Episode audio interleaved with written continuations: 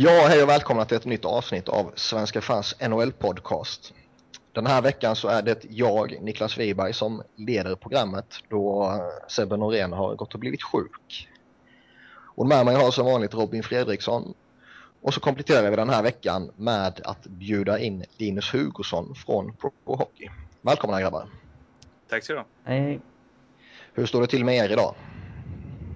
Eh, jag är väldigt trött eh, efter nattmanglingen. Jag var uppe och följde hela, hela cirkusen i natt och det tog ju inte slut förrän vid halv tre ungefär och sen var det upp och skjutsa dottern till skolan vid halv åtta. Så det, känner mig lite så mosig. som en, eh, så det är som NHL-säsong egentligen fast man inte följer matcherna på natten utan man följer någonting annat. Som nästan är ännu mer knäckande än att förlora en match. Ja, precis. uh, nu kommer ju fokus i det här programmet givetvis ligga lite på vad som har hänt kring lockouten och då framförallt vad som har hänt de senaste dagarna här när det ändå kändes som att vi är på väg mot en lösning. Och sen visade det sig ju här då under natten att ja, förhandlingarna ligger nere igen och de inte lyckas komma överens trots att de på alla sätt och vis enligt alla rapporter är så otroligt nära varandra. Och vi kommer gå in på, på lite mer detaljer eh, alldeles strax. Men visst är känslan att båda parterna i princip är så nära varandra som de bara kom, kan, eller kan komma?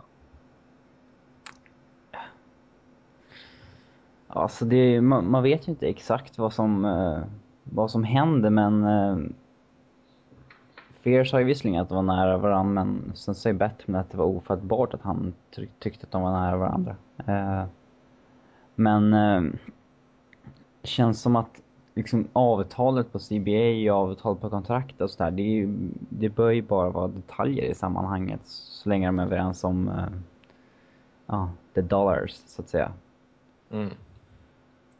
Mm. Jag tror inte att de är så nära varandra de kan komma, för då hade de ju såklart skrivit på. Ja, jo, men, givetvis.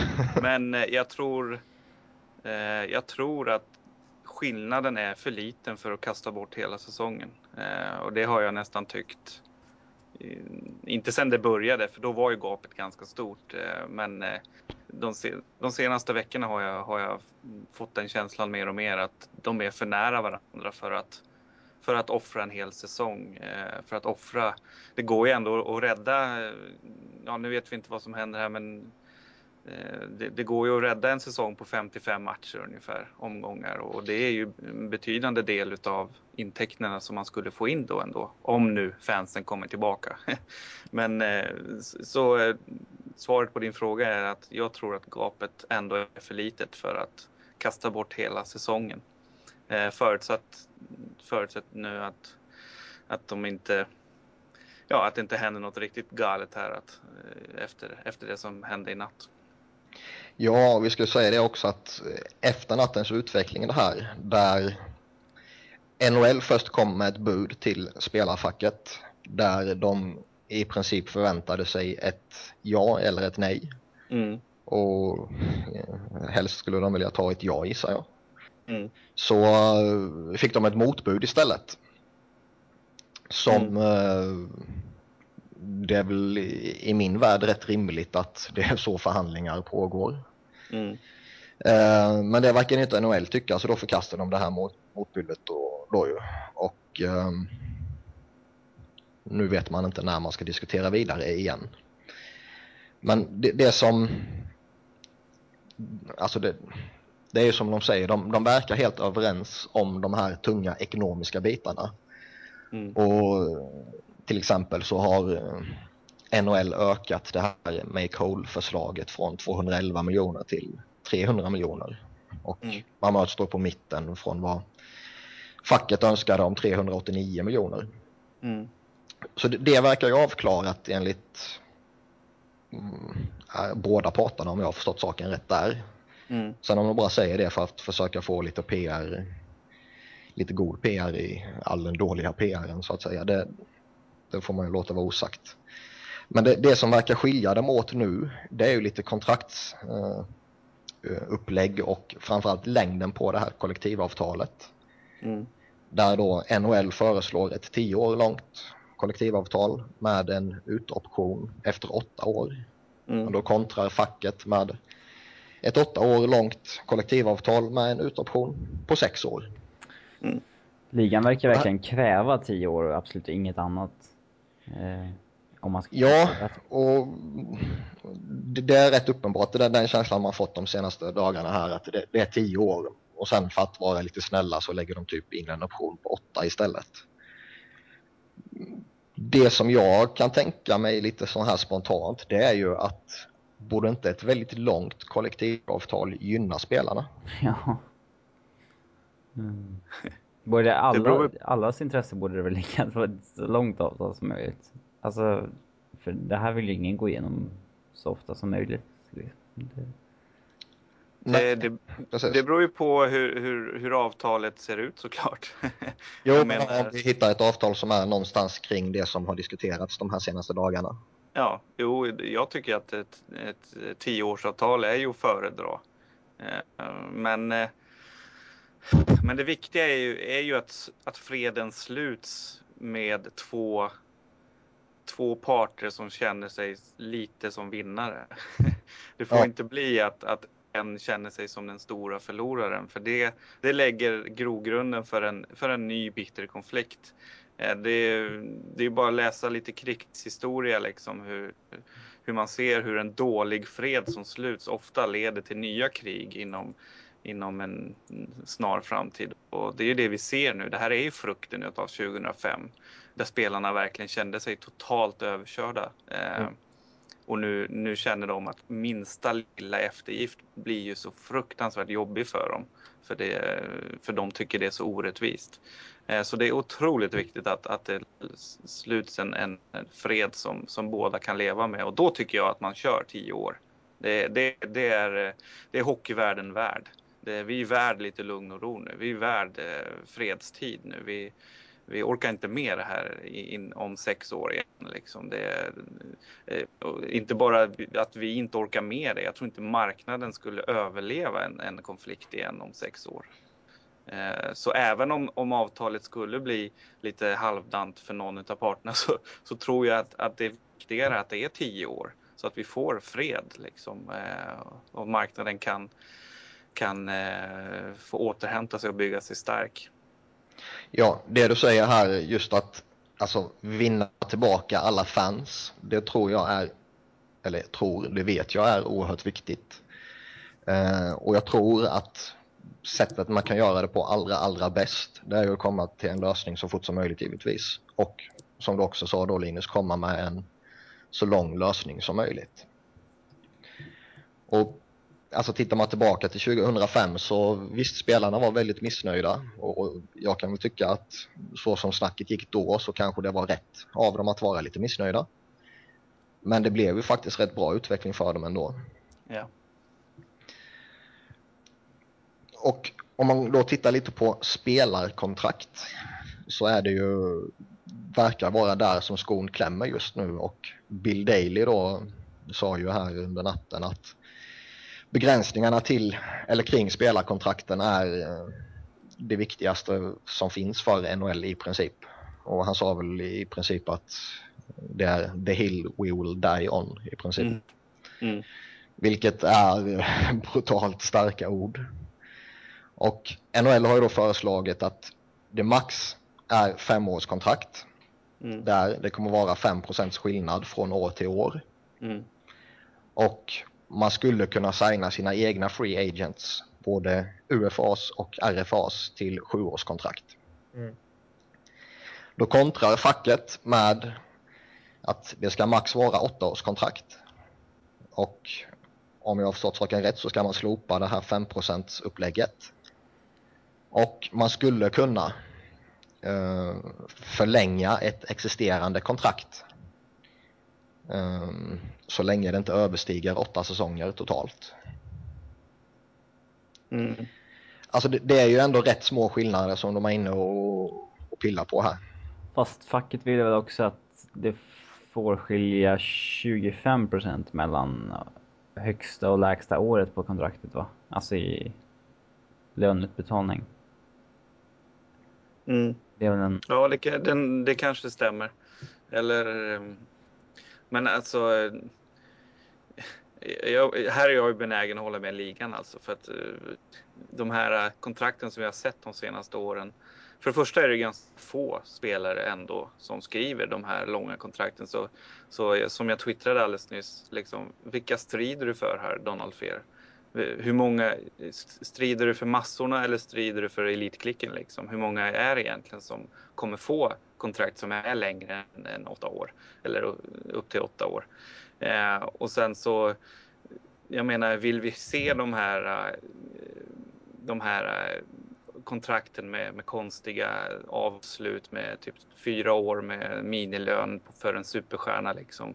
Det är så uppenbart vad det handlar om så jag, det är väl lika bra att och få bort dem tycker jag. Eh, så att eh, ja, jag sympatiserar med NHL i, i den frågan även fast det ska ju Även fast man inte ska ta bort alla rättigheter för en spelare. Eh, men eh, jag lutar ändå mer åt NHLs linje.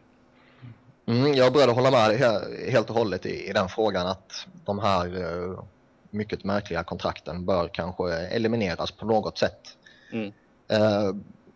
Behöver man verkligen göra en maxlängd för det? Räcker det inte att hitta något upplägg där som jag ändå tycker NHL har gjort på ett rätt vettigt sätt här med 5 skillnad från år till år? Ja, alltså ja, jag kan tycka att fem år låter väl lite kort. Det är väl liksom, det behöver vara okej okay att signa någon på sju år om man har en eh, har en egen spelare sådär, eller en free agent för den delen. Men eh, ja, man, det är väl bara som den här 5%-regeln då att, att det behöver väl inte vara exakt 5% men man bör ju inte kunna tjäna 7 miljoner ett år och 525 000 ett annat år. Det, mm. det var det som är huvudsaken. Mm. Det ligger ju lite i klubb, klubbarnas intresse också eh, faktiskt det här. Det är en komplicerad fråga för klubbarna vill ju säkra upp sina stjärnspelare under lång tid. Eh, så att, eh, så att de, NHL strider ju lite grann mot, eh, mot det man ser eh, general managerna göra. Eh, det är inte bara spelarna som går och kräver långa kontrakt utan det är oftast klubben som utnyttjar systemet och ägarna som godkänner de här kontrakten som vi har sett. Så att det, det är en eh, komplicerad eh, fråga eh, sympati, sympatimässigt. Eh, men eh, NHL verkar ju vilja få bort det här. Eh, och eh, ja, som sagt, jag, jag, kan se, se deras poäng mer än spelarfackets. Mm. När vi ändå är inne och diskuterar de här kontrakten lite. Hur ställer ni er mot att, eh, som NHL har hintat lite om här då, att man ska kunna straffas av att tidigare ha skrivit sådana här kontrakt då det inte var olagligt om man säger så att skriva de här kontrakten. Ja, det är jättemärkligt. man kan inte straffa någon för att de följde hur det förra avtalet såg ut. Uh, nej, nej, alltså jag är beredd att hålla med. Jag håller med också. Det, det, det som har varit har varit. Uh, det, det, kan vi inte hålla på och, och riva i nu liksom, utan det, det, det var ju enligt de reglerna som fanns då. Det... Ja, det var ju det som var regler då. Det var inte så att de... Eh, alltså, man försöker ju alltid komma runt mm. systemet liksom. Det... Och ändå hålla sig inom systemets ramar. Och det var ju det som alla klubbarna gjorde. Eh. Mm. Ja, det känns som att det är bara en tidsfråga innan det hittas något kryphål i ett nytt kollektivavtal också. Ja, precis. Inget är vattentätt. Nej, så är det ju. Men jag vill gå tillbaka till en grej här. Eh, du, du, eh, vi har tagit upp en del grejer som har diskuterats, men vi kanske ska säga det också att, eh, att Gary Bettmans sista ord i natt, det var ju att, att allt var borta nu. Alltså deras erbjudanden var ju borta off the table så att säga. Så att vi vet egentligen inte egentligen inte vad som gäller nu i förhandlingen. Eh, till exempel så, så eh, specificerade ju Gary Bettman att det här Make Whole som de då hade lagt på 300 miljoner för att närma sig spelarna. Att det var inte bara tillbaka till ursprungliga 211 miljoner utan det var borta helt och hållet. Mm. Eh, så att eh, vi vet inte riktigt hur, hur terrängen ser ut just nu. Eh, även fast man ju kan ana att eh, Batmans raseriutbrotten att handlade ju mycket om eh, ja, just känslor och ilska mer än, eh, och propaganda mer än att det kanske var 100% sanning i det, i det han sa. Nej, jag tror så... framförallt det som du sa att det, det handlar mycket om att lägga över så mycket skuld som man bara kan ja. på den andra sidan. Ja. ja. Uh, fast han kan, han, han, han, han kan ju inte mena att de sloppar det helt för då, då är det ju helt kört och han vill ju ändå få igenom någon form av avtal. Uh. När slopar de det helt så då, då är ju säsongen körd, så enkelt är det.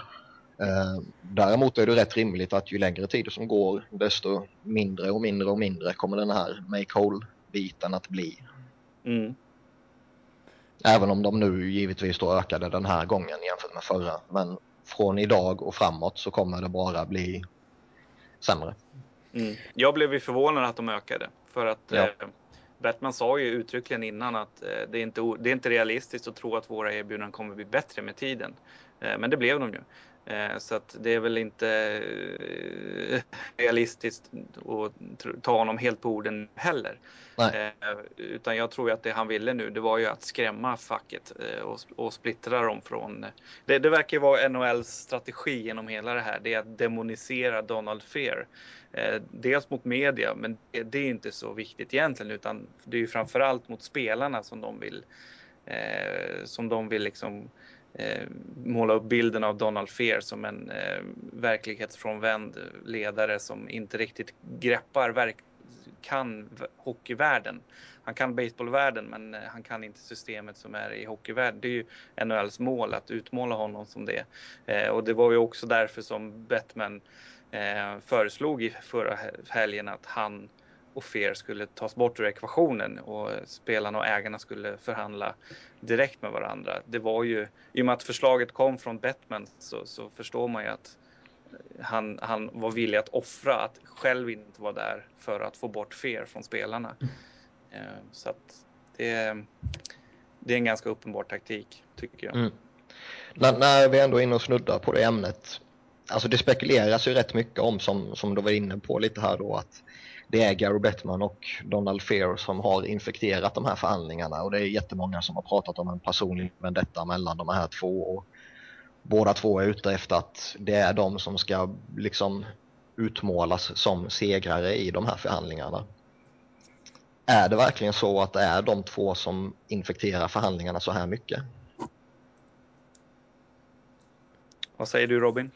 Alltså, det är ju omöjligt att veta men jag tror ändå någonstans att det är så. Fear, Fear framförallt känns det som en som kanske bryr sig mindre om själva sporten och mer vill vinna själva förhandlingen. Eh, och det han gjorde igår var ju högst, eh, högst märkligt liksom. Det kan ju inte leda till något positivt att eh, alltså gå ut och alltså, ljuga egentligen för hela världen och säga att de var jättenära varandra och snart har de en lösning inom de närmaste dagarna typ. För det var ju det han sa. Och då satt ju de flesta journalisterna undrade, eller de tyckte att det lät märkligt för Fear eh, hade ju begärt att ta in medlarna igen tidigare samma dag och ryktet som hade börjat gå bland journalisterna var att ägarna var rasande på Fear. Um, ehm, och sen så, ja, går ju ligan ut och ja, sågar Fear helt och hållet egentligen. Uh, att, det känns väl som att allt har större chans att uh, klara upp sig utan både Fear och Batman. Men just nu så tror jag nog att det är Fear som infekterar det här mer än någon annan. Eh. Mm, jag är benägen att hålla med dig där och jag tror att det, alltså jag är, det är svårt att göra en analys just nu när vi är mitt inne i det och förmodligen mitt inne i, i slutfasen också. Eh, men eh, känslan är att Fears Alltså jag tror inte att det är en personlig vendetta mellan Batman och Fear. Jag tror inte att de hunnit, hunnit bli ovänner under den här tiden. Givetvis kan det ha hänt saker men, men, nej, jag tror inte att det är på eh, liksom Bob Goodenow nivå nu. Han var ju verkligen, de hatade ju varandra liksom. Där var det verkligen personligt. Jag tror inte att det är det, utan jag tror att det är två system som krockar. Det är, det är eh, rika ägare mot, eh, mot fackorganisation och, och NHLs ägare känner ju givetvis till Donald Fear från, eh, från baseballvärlden, vad han har lyckats göra där. Eh, där facket står otroligt starkt. Eh, så de, de tror jag ser det lite som eh, en chans att knäppa honom på näsan för vad han har gjort mot, mot sina miljardärkompisar i baseballvärlden. Nu spekulerar jag helt fritt här. Jag har inga belägg för det här överhuvudtaget. Men min, min grundtes är, precis som Robin sa, att det kanske inte, det kanske inte var det smartaste att, att, att ta hjälp av Donald Fear, utan att det kanske infekterade Eh, de här förhandlingarna från början i och med att ägarna eh, verkligen inte tycker om honom. Eh, men samtidigt har han gjort väldigt bra saker för spelarna och han har skapat en helt annan atmosfär i facket mot vad Goodenow hade. Eh, säger spelarna själva i alla fall. Eh, det här att alla är mer inkluderade nu och alla vet vad som gäller och det är bra informationsflöde och sådär. Men vi vet inte vad spelarna säger nu efter, efter nattens utveckling. Eh, det, eh, om de fortfarande står bakom FER till 100 procent. Nej, det har ju spekulerats lite här och nu är det kanske i sig en, en mindre viktig fråga att lyfta. Men innan det här bröt samman under natten här så har det ju bollats lite fram och tillbaka i, i media och, och mellan fans och så här att hur rimligt är det att förvänta sig att kanske framförallt då spelarfacket gör en intern omröstning om man ska acceptera ett liggande förslag så att säga? Eh, jag tycker att, att alltså nu finns det inget förslag Nej. att rösta om just nu, men frågan är om eh, Frågan är om de inte skulle ha röstat om det här som var nu. Fast vi vet ju inte alla detaljer i det heller. Det är svårt att säga.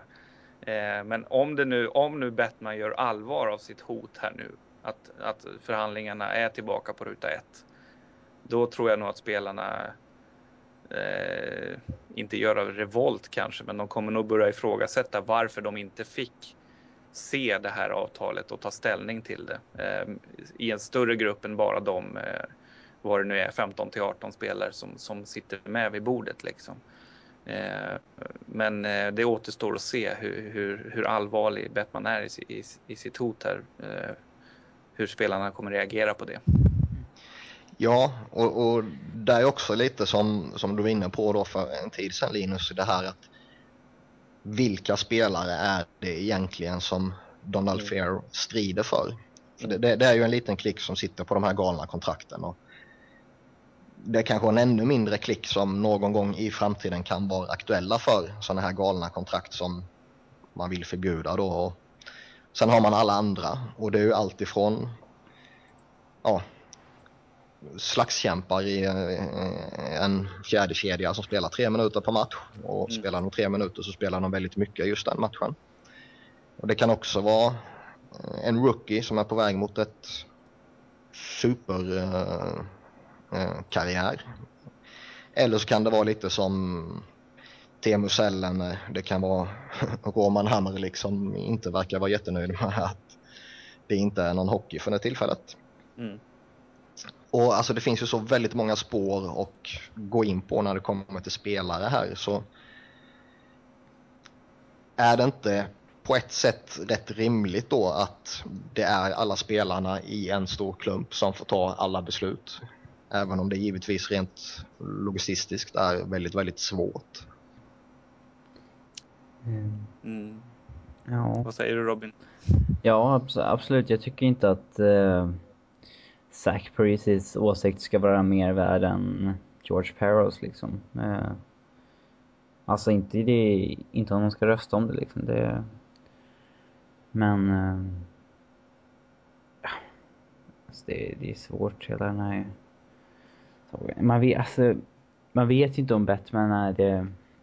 Om, hans, om han verkligen eh, drar tillbaka hela det här makeover-slaget, eh, om han är seriös med det, då, då kan han ju inte beskylla Donald Fear för att inte vilja ju, försöka göra ett avtal längre. Uh, man kan inte hålla på och dra, dra tillbaka bud nu liksom. Det, då går man ju inte framåt. Det, sen, ju jag att ingen av parterna kan ju direkt eh, anklaga den andra mer än mer i sig själva för att inte ha försökt göra ett avtal när man först nu i mitten på december börjar förhandla så intensivt som man borde ha gjort i somras. Mm, precis. Ja. Ska verkligen när, när man diskuterar framtida kontrakt och upplägg för framtida kontrakt ska verkligen spelare som då sitter på tioårskontrakt vara med i de här diskussionerna? De är, en, de är riktigt partiska. kan man tycka. Eller de, de, de kan ju ha en egen agenda så att säga. Ja, alltså för det, vissa som sitter på sådana här 60 miljoners kontrakt eller ja, 98 miljoners kontrakt eller vad som helst.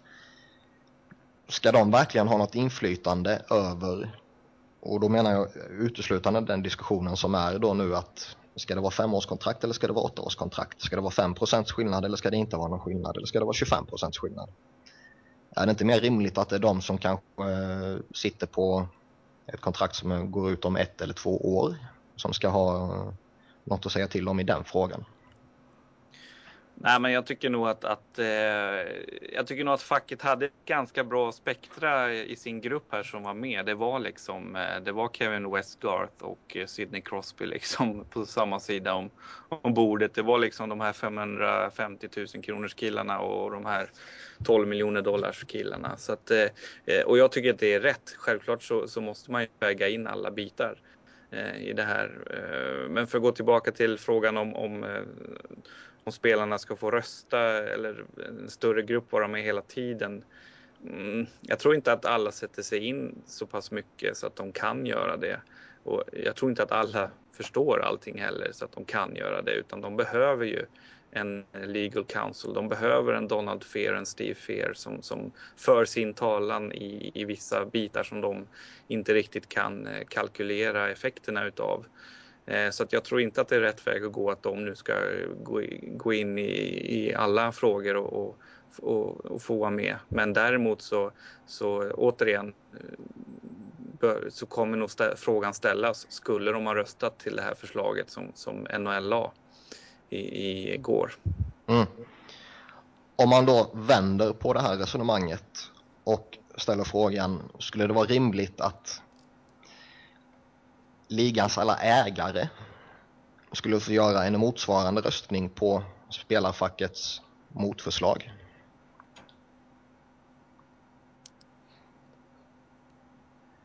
Um, ja, det är givetvis en relevant fråga och eh, jag tror ju att de eh, hade sagt på förhand redan att, eh, till Bettman att det här är vårt sista bud. Du får, eh, jag har läst den här boken The Instigator alldeles nyss och eh, Bettman höll ju på i stort sett förlora sitt jobb eh, i samband med, eh, om det var lockouten 94, då han eh, fick ett sista bud och, att ta med sig och presentera för facket. Men eh, där han, eh, började, där han började tumma på, på, eh, på det var åldern för, för när man kunde bli fri agent där han flyttade den ett år bakåt.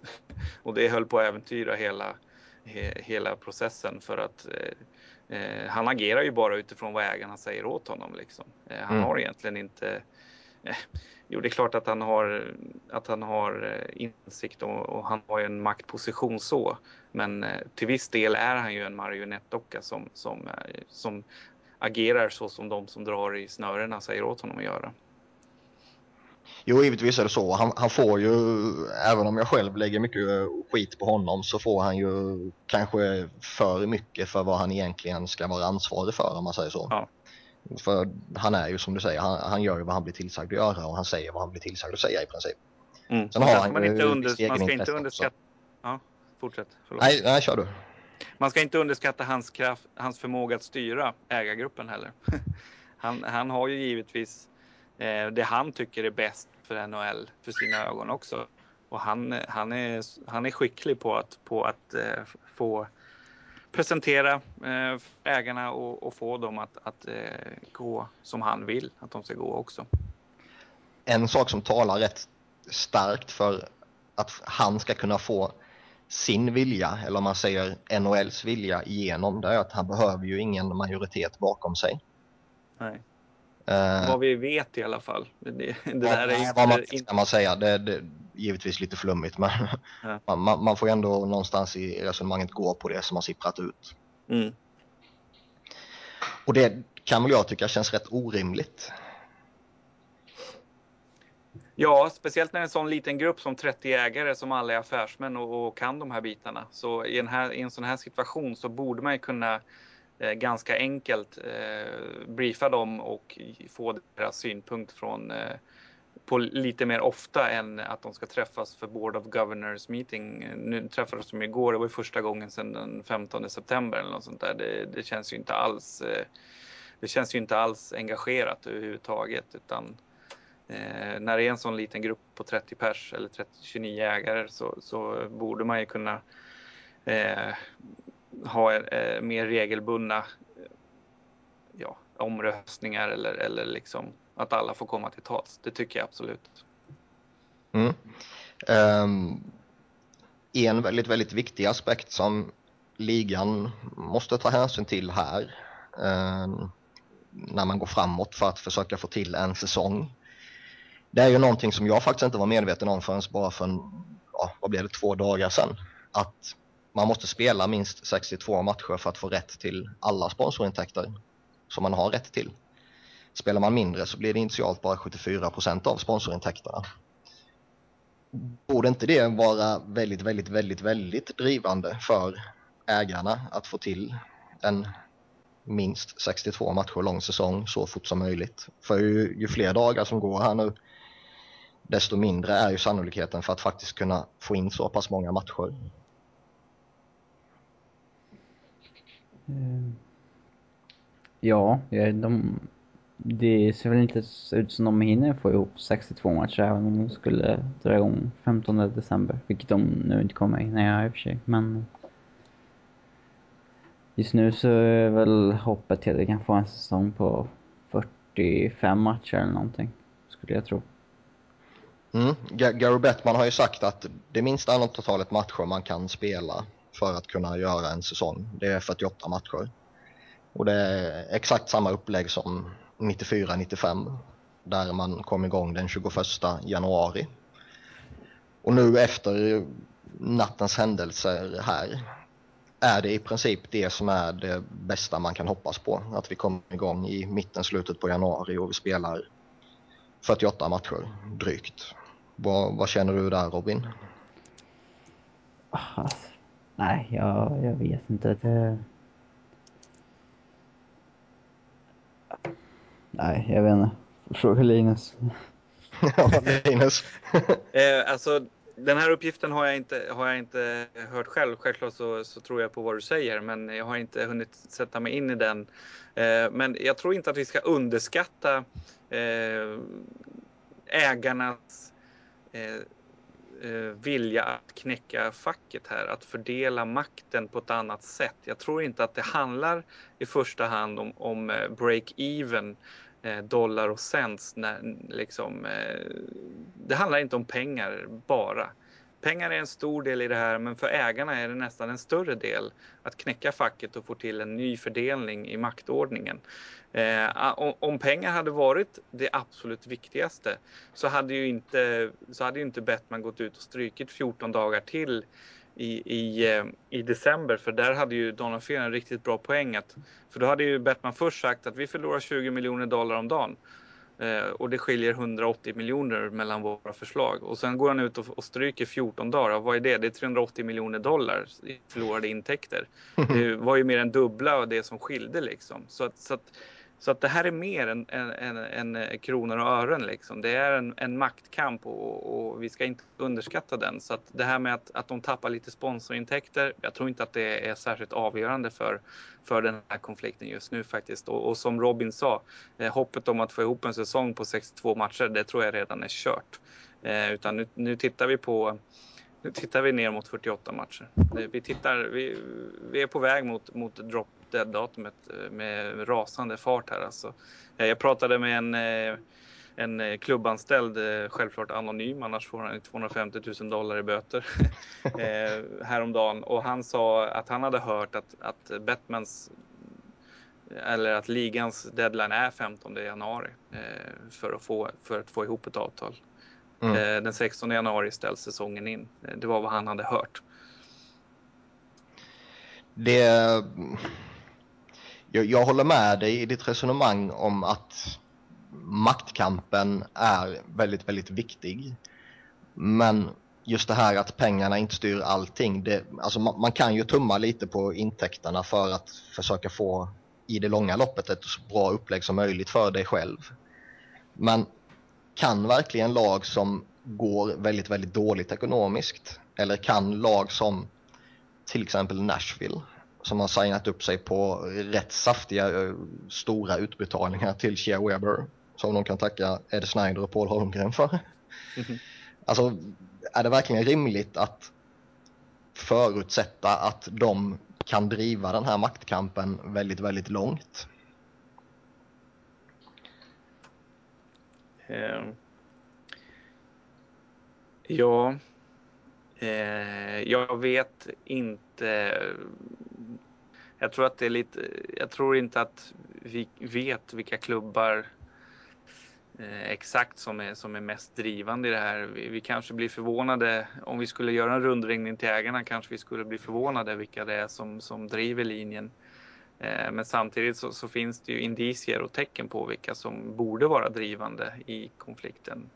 Eh, och, som du säger så, så är det nog en del av de här klubbarna som går lite sämre som, som gärna vill få, få till en, en, eh, en maktförändring eller maktbalansförändring.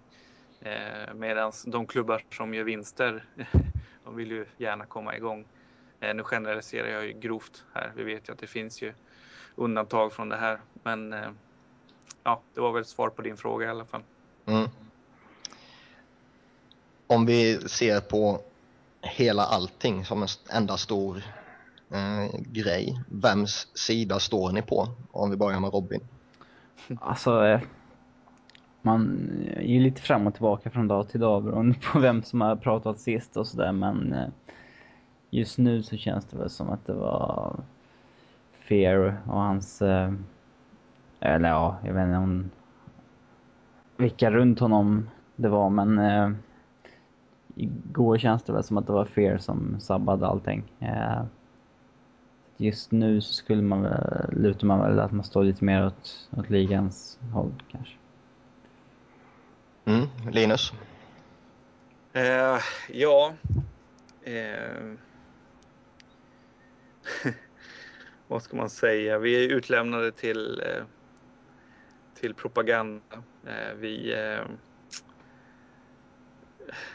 så det är svårt att att ställa sig på en sida just nu. Eh, jag ser båda, båda sidors sak kan jag, kan jag förstå i det här. Men som Robin säger, det som hände i natt, där är det nog lätt att, att skylla på, på facket utifrån den information vi fick. Återigen, det handlar ju om det. Vad, vad får vi reda på egentligen? Mm. Eh, och, men vi är vid den punkten där där alla trodde att vi skulle vara. Vi är vid 50-50. Eh, en, en, en fördelning som, som, eh, som, som alla, oavsett hur insatt man är, kan tycka låter eh, rättvist. Liksom. Jag menar, det börjar redan som, som eh, barn när man ska eh, slåss om den sista saften. Då sitter man ju och mäter så att det blir exakt lika mycket i glasen. 50-50 liksom. är en är en universell lag om rättvisa. Oh ja. Eh, så att det är svårt för, för, för sidorna här nu att vinna PR-kriget genom att kräva mer. Eh, eller ja, genom att stå så hårt stand on principle, alltså att slåss, slåss för sin princip här nu genom att kräva lite mera. Det, det är svårt just nu för både NHL och facket att, att vinna PR-kriget. Men som sakerna utvecklades i natt så, så tycker jag att det blev eh, det, det, var fack, eller, ja, det var facket som förlorade i natt, eh, PR-kriget.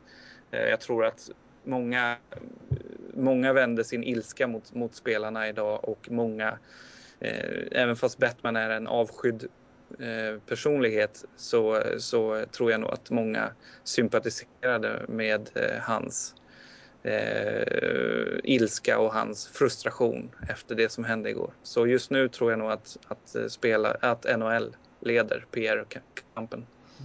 Det var ju så, upp, Mm, ja, ja, det var ju så uppenbart ja. att Fear verkligen ljög om allt han sa igår när han gick ut och gav alla hopp Mm. eh, för en halvtimme liksom. ja alltså jag, jag, jag håller med helt och hållet och som Linus var inne på också, jag, jag ser inte att någon part kan vinna PR-kriget. Däremot ser jag att en part kan förlora PR-kriget och det är en jävla skillnad. Mm. Det, det är en som kan komma undan med att ja, rycka på axlarna mentaliteten i PR-kriget så att säga om man, om man ska hårdra lite och det kommer vara en part som kommer förlora. Mm. Och kommer förlora rätt jävla brutalt tror jag. Mm. Och som ni sa, baserat på vad som har hänt under natten här nu så, så känns det som att det är facket och, och spelarna som, som ligger jävligt illa till i medias och supportrarnas ögon. Mm. Ehm, som vi var inne på lite tidigare i programmet så alltså spelarfacket de, de skickar en rätt tydlig signal vad de vill åstadkomma när de anställer Don Fair. Mm. Eh, Det är inte för att man vill få till en så smidig lösning som möjligt så fort som möjligt. Utan plockar man in honom då är det för att man vill gå till krig. Och det är som vi också sagt innan, där, redan där börjar man skapa lite osämja i, internt i förhållandet mellan facket och ägarna. Och med tanke på vad som nu hände i natt här där han dels eh, ljuger folk rätt upp i ögonen utåt och sen eh, i princip ligger bakom att eh, förhandlingarna brakar samman så som NHL-supporter är det i dagsläget väldigt, väldigt lätt att förakta Donald Fair.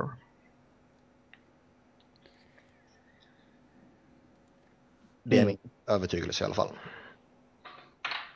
Innan vi går in på den slutliga frågeställningen.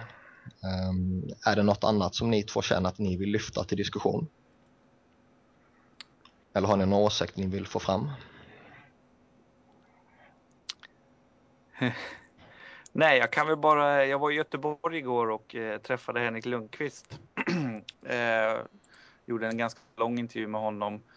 Eh, men vi pratade. Eh, intervjun var för ett kommande nummer av Pro Hockey som ska ges ut i mars och då hoppas jag ju att säsongen är igång. Så vi pratade egentligen inte så jättemycket om lockouten, men det gick ju inte att undgå den helt och, och, och han. Eh, han sa ju.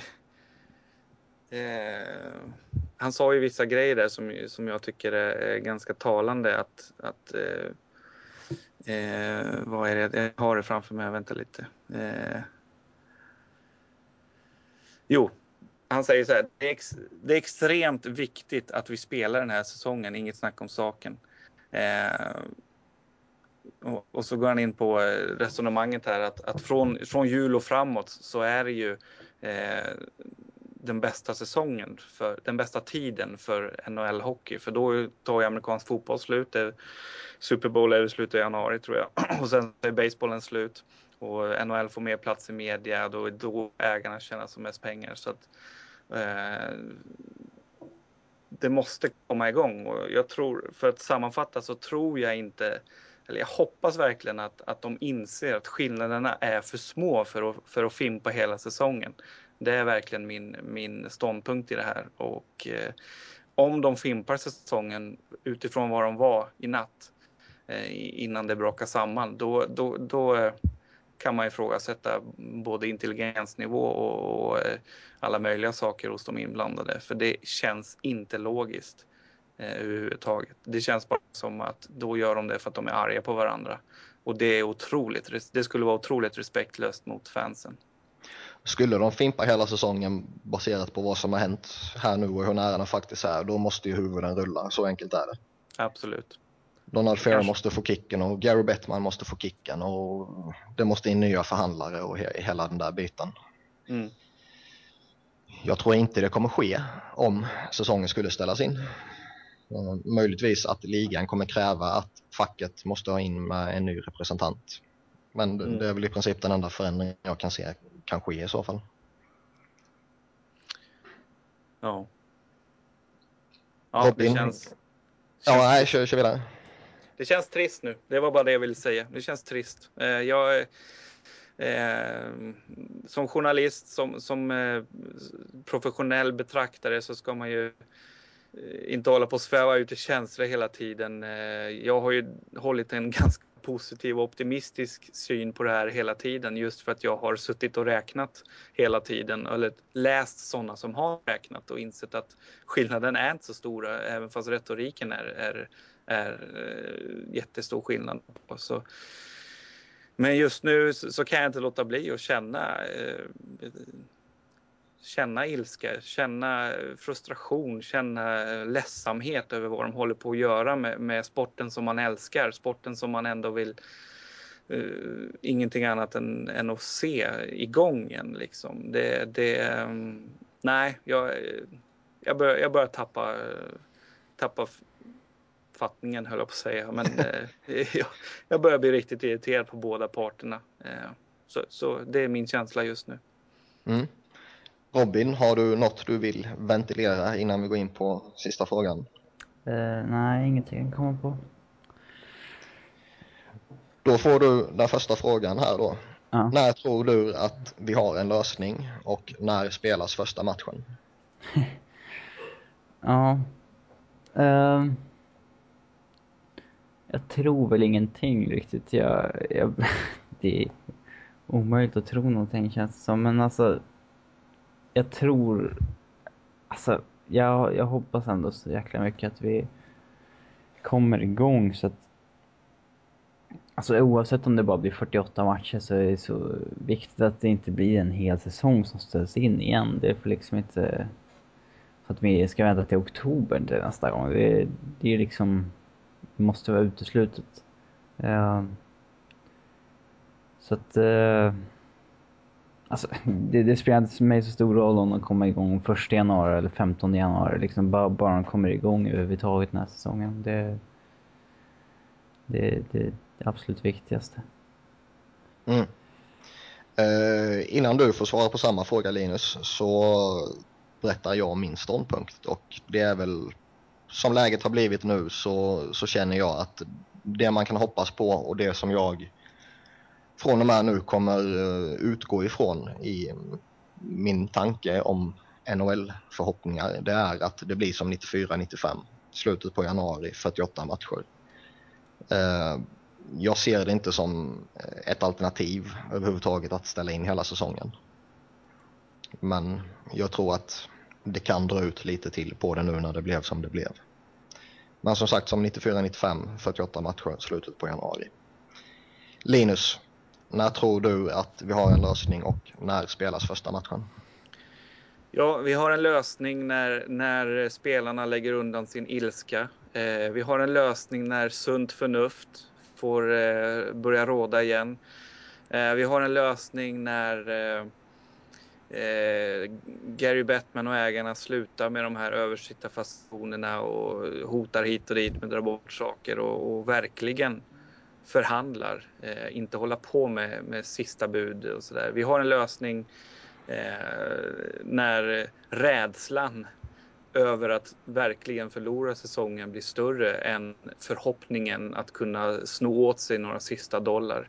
Då har vi en lösning.